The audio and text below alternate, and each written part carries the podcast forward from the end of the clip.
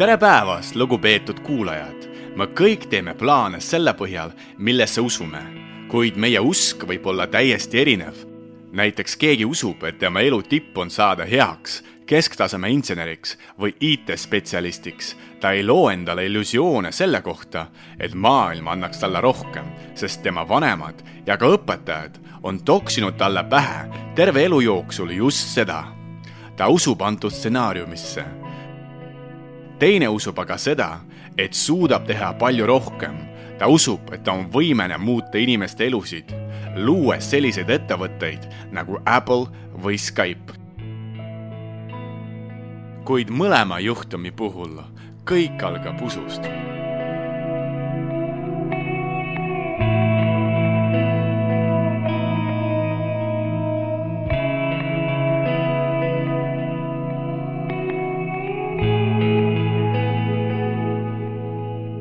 inimene on juba isiksusena välja kujunenud, hakkab ta otsima tõestusi sellele, et maailm on just selline, nagu tema sellest aru saab. kui ta usub, et maailm on ebaõiglane, siis ta hakkab otsima tõestusi sellele. kui ta usub, et kõik inimesed on kavalad ja kurjad, otsib ta näiteid, mis tõestaksid just seda. sama võib ütelda ka kunsti kohta. inimene, kes arvab, et maailm tema ümber on negatiivne, hakkab otsima sarnase sõnumiga kunstiteoseid ning vaatama filme, mis sobiksid tema maailmapildiga.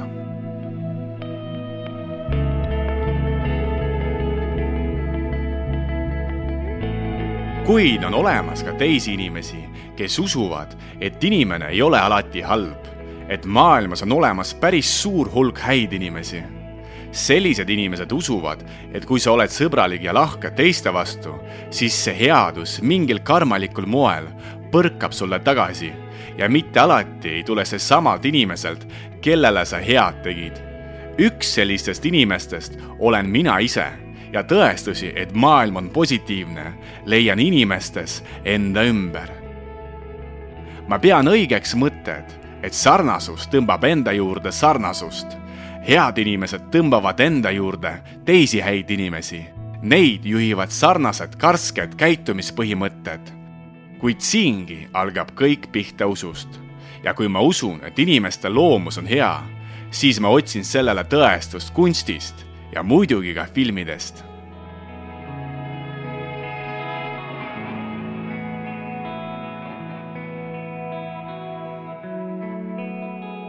võib-olla mõned teist juba said aru, et mind huvitavad kõige enam filmid, mis aitavad inimesele saada natuke paremaks, mis panevad teda mõtisklema oma elu üle ning küsima endalt, kas ma ikka elan oma elu õigesti või kuidas veel saaks elada tihti juhtub nii, et oma parimaid teoseid loovad inimesed elu kõige raskematel ja keerulistematel hetkedel, mis on seotud kas emotsionaalsete või finantsiliste raskustega või tihti mõlemaga. teiste sõnadega ei saa luua midagi päriselt hämmastavat, kui sinu elus on kõik hästi ja sa ei ole mures millegi pärast.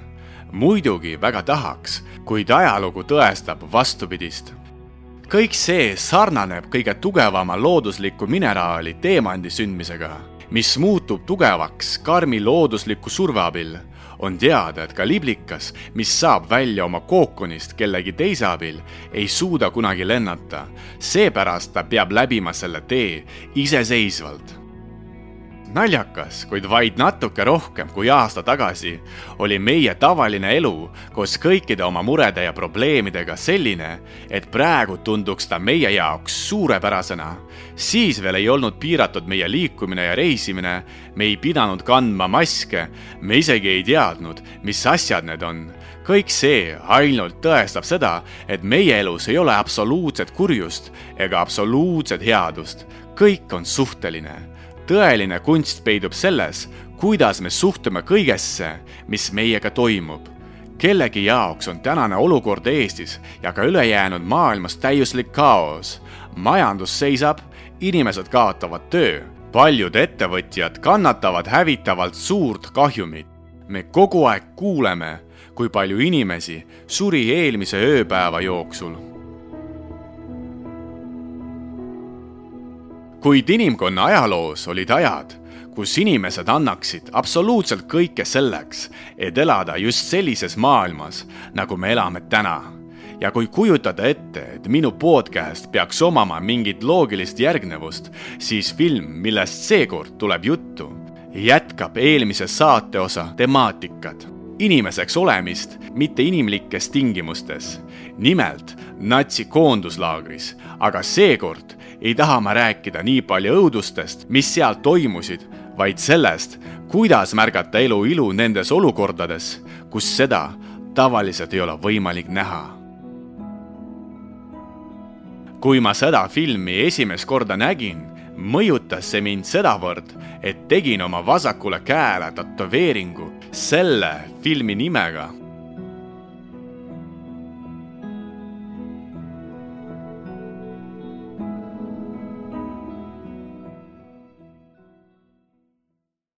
see on tavaline lugu, millest on raske rääkida. nagu muinasjutus on siin palju valu ja nagu muinasjutt on see täis imesid ja õnne. just nendest sõnadest algab film La Vita e Bella, mis ilmus kaugel tuhande üheksasaja üheksakümne seitsmendal aastal tundub, et see oli alles hiljuti, kuid sellest hetkest on möödunud tervelt kakskümmend kolm aastat.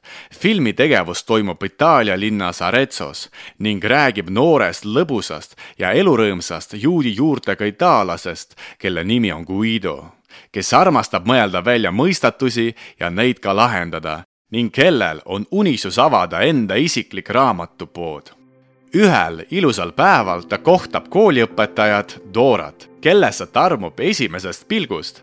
peab ütlema, et Dora, sõltumatu sellest, et ta töötab õpetajana, on pärit väga priviligeeritud perest ja tal on just plaanis abielluda ühe väga austatud linnaametnikuga. kuid see ei peata Guidot soovides võita Dora südant, lõbustab ta viimast oma naljadega ning paneb mängu kogu oma karisma ja huumorimeele. lõpuks õnnestub Guidol Dora endasse armuma panna. Nad abielluvad ja avavad koos oma väikese pereäri, isikliku raamatupoe. mõni aeg hiljem neil sünnib poeg Josue, kes kõige enam armastab mängida tankidega. Nende elu peaks tundma meile väga õnnelikuna, sest ei saa ju olla midagi paremat kui sa oled noor, sa armastad ja kõik see toimub Itaalias. Kuid on olemas üks aga. meie filmi peategelased sattusid sündima kahekümnenda sajandi algusesse ja lastena ei olnud neil võimalik isegi aimata, et kui nad kasvavad suureks, hakkab pihta teine maailmasõda, mis otseselt puudutab ka neid Põhja-Itaalia, kus elavad Guido ja Dora, okupeerib Natsi-Saksamaa hakkavad pihta rünnakud juutide vastu. Guido koos oma pojaga viiakse koonduslaagrisse.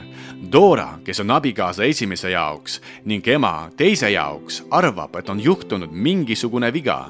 kuid natuke hiljem, kui ta saab aru, et mingit viga tegelikult ei ole, otsustab ta minna koonduslaagrisse vabatahtlikult koos oma perega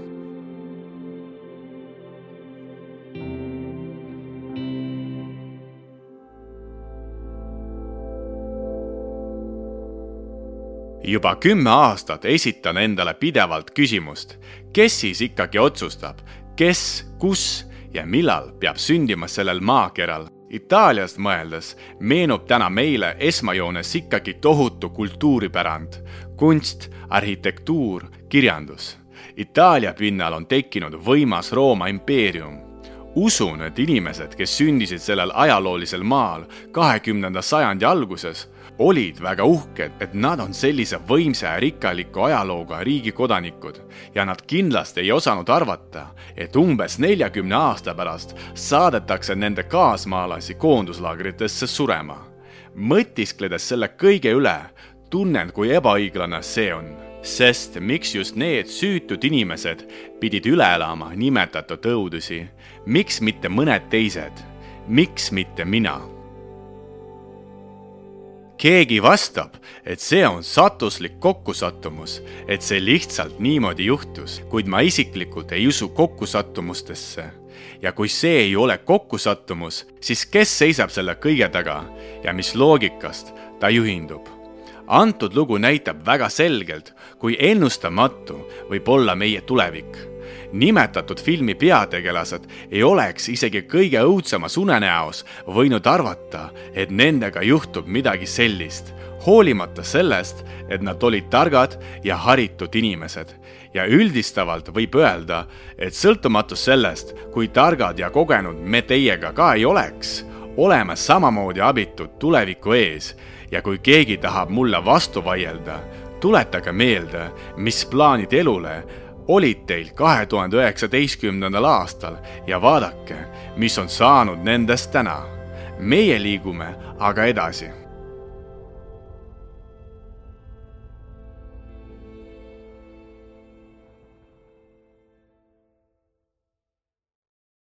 siiamaani ma pole vastanud küsimusele, millega hämmastas mind film La Vita e Bella, mis teeb temast tõeliselt erilise filmi.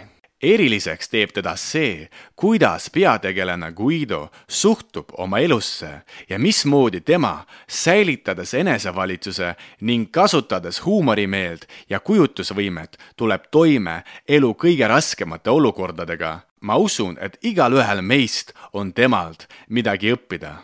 Sest oleme nõus, hea tuju kaob ju kergesti, kui meie elus juhtub midagi, mida me ei planeerinud. näiteks läheb katki meie lemmiktelefon või keegi ei maksa tagasi laenatud raha, palk jäi hiljaks, meid koondati või me sõitsime kellegi auto mõlki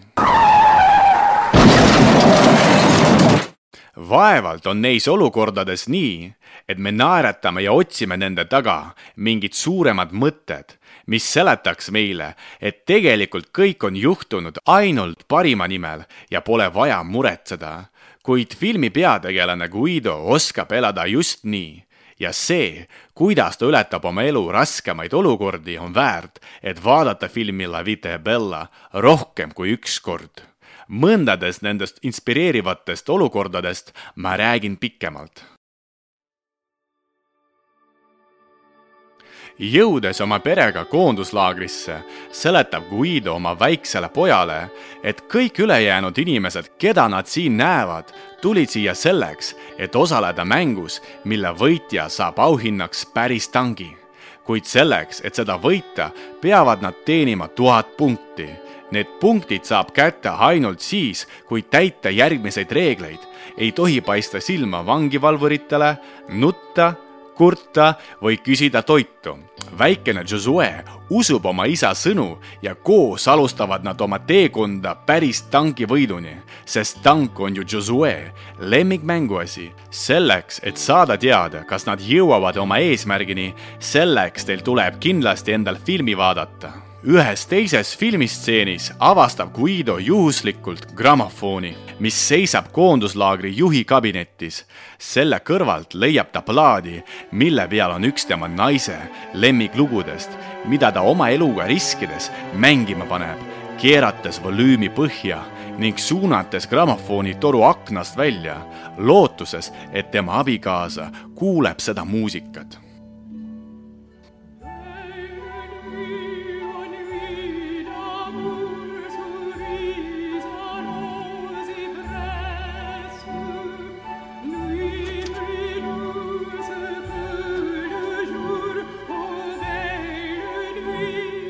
ja need on vaid mõned paljudest lugudest, kui filmi peategelane leiab midagi ilusat kõige raskematest olukordadest. kujutage, kui imeline oleks meie elu, kui me omandaksime oskuse näha kaunist seal, kus seda esimesel pilgul ei peaks olema. sest millega on tuntud head fotograafid ja kunstnikud? kui vastata lühidalt, siis nad märkavad seda, mida ei märka enamus ja tänu oma töödele juhivad sellele ka meie tähelepanu. elades üle raskeid olukordi, avastame sageli, et sellele järgneb miski hea, miski, mis muudab ja tõstab meie elu järgmisele tasemele. seepärast on näiteks venelaste seas populaarne fraas kõik, mis ei juhtu, juhtub paremaks. tõeline kunst peitub aga selles, et võtta vastu elu sellisena kohe ning suuta rõõmustada ka halbade asjade üle sest lõppude lõpuks, kui miski halb on juba juhtunud, mis kasu on olla masendavas, kurvas või negatiivses seisundis, kui ilus hakkaks olema elu, kui igaüks meist õpiks mitte rikkuma oma tuju pisiasjade pärast ja võib-olla esimene samm nimetatud kunsti arendamiseks peitubki filmi La Vita e Bella läbivaatamises. Keegi võib vastu vaielda, et päris elus selliseid inimesi ning olukordi ei olnud, et kõik see on puhas fantaasia kui see isegi on nii, siis miks me nii tõsiselt elame kaasa kirjandustegelastele, kes on samamoodi välja mõeldud? millega filmitegelane eristub raamatutegelasest? ainult sellega, et kui me loeme raamatuid, siis peame käivitama oma kujutlusvõimed rohkem ja sellega erinevused lõpevad. siin jällegi sõltub kõik meie usust. me võime uskuda, et sellised inimesed olid ka päriselt olemas. võime uskuda, et mitte kui arvestada, et sõja ajal tapeti nii palju inimesi, kellest keegi ei tea midagi, siis äkki mõni nendest oli just selline nagu Guido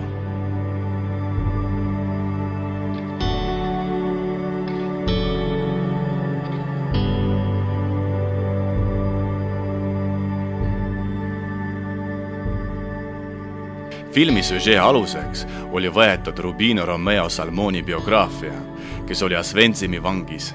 filmi stsenaarium kirjutati tema raamatu Ma võitsin Hitlerit järgi, milles ta kirjeldab oma elu koonduslaagris. Salmoni suri kahe tuhande üheteistkümnendal aastal filmi loojate sõnul on filmi nimi võetud Lev Trotski testamendist, milles on olemas järgmine tekst.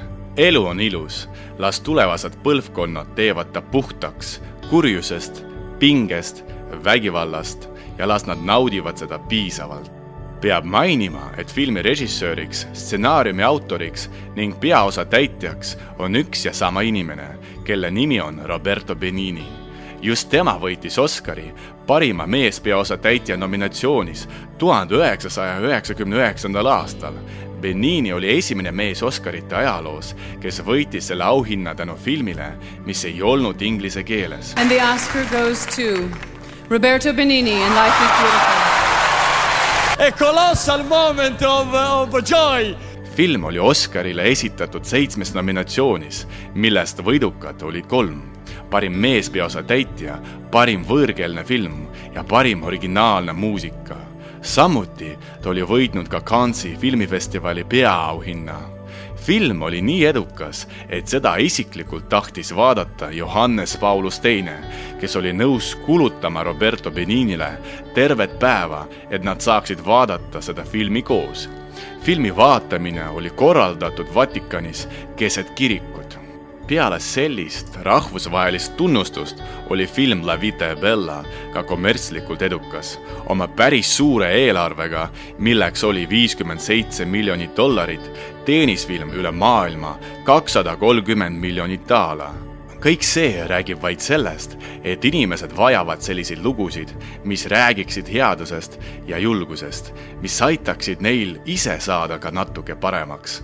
Goethe ütles, et kui te soovite aidata inimesel kasvada, siis suhtuge temasse mitte nii, nagu ta on seda väärt. suhtuge temasse paremini, kui ta on seda väärt. ainult nii saab loota, et inimene areneb ja ma olen täiesti nõus sellega, sest kui alati pöörata tähelepanu inimese nõrkadele kohtadele ning järjepidevalt teha temale märkusi, siis arengu asemel tekitame temas vaid soovi maksta meile või teistele samaga tagasi. tulles tagasi võrdlusele teemandiga, tahaks kinnitada et inimene tugevdab ennast just rasketes tingimustes. Nendes tingimustes tuleb välja ka inimese tõeline sisu ja mitte igaüks meist suudab tulla eluraskustest välja kõrgele tõstetud peaga. raskustes meil võivad tulla välja need omadused, mida me eriti vihkame teistes ja just nendel hetkedel paljud meist murduvad. siis tekib meil valik panna ennast uuesti kokku ja tänu saadud kogemusele muuta veel tugevamaks ja veel paremaks või olla edasi murdunud inimene ja muutuda küünikuks ning süüdistada oma edutuses kõiki enda ümber, kuid mitte iseennast võtame siis vastu meile antud keerulist aega kui jõudu, mis soovib muuta meid tugevamaks ja säravamaks teemandiks. proovime armastada oma elu isegi kõige raskemates väljendustes nii nagu tegi seda filmi La Vita e Bella peategelane Guido, sest kui vaadata sügavamale, meie elu on tõesti ilus ja selle märkamist me ju nii vajame tänasel keerulisel ajal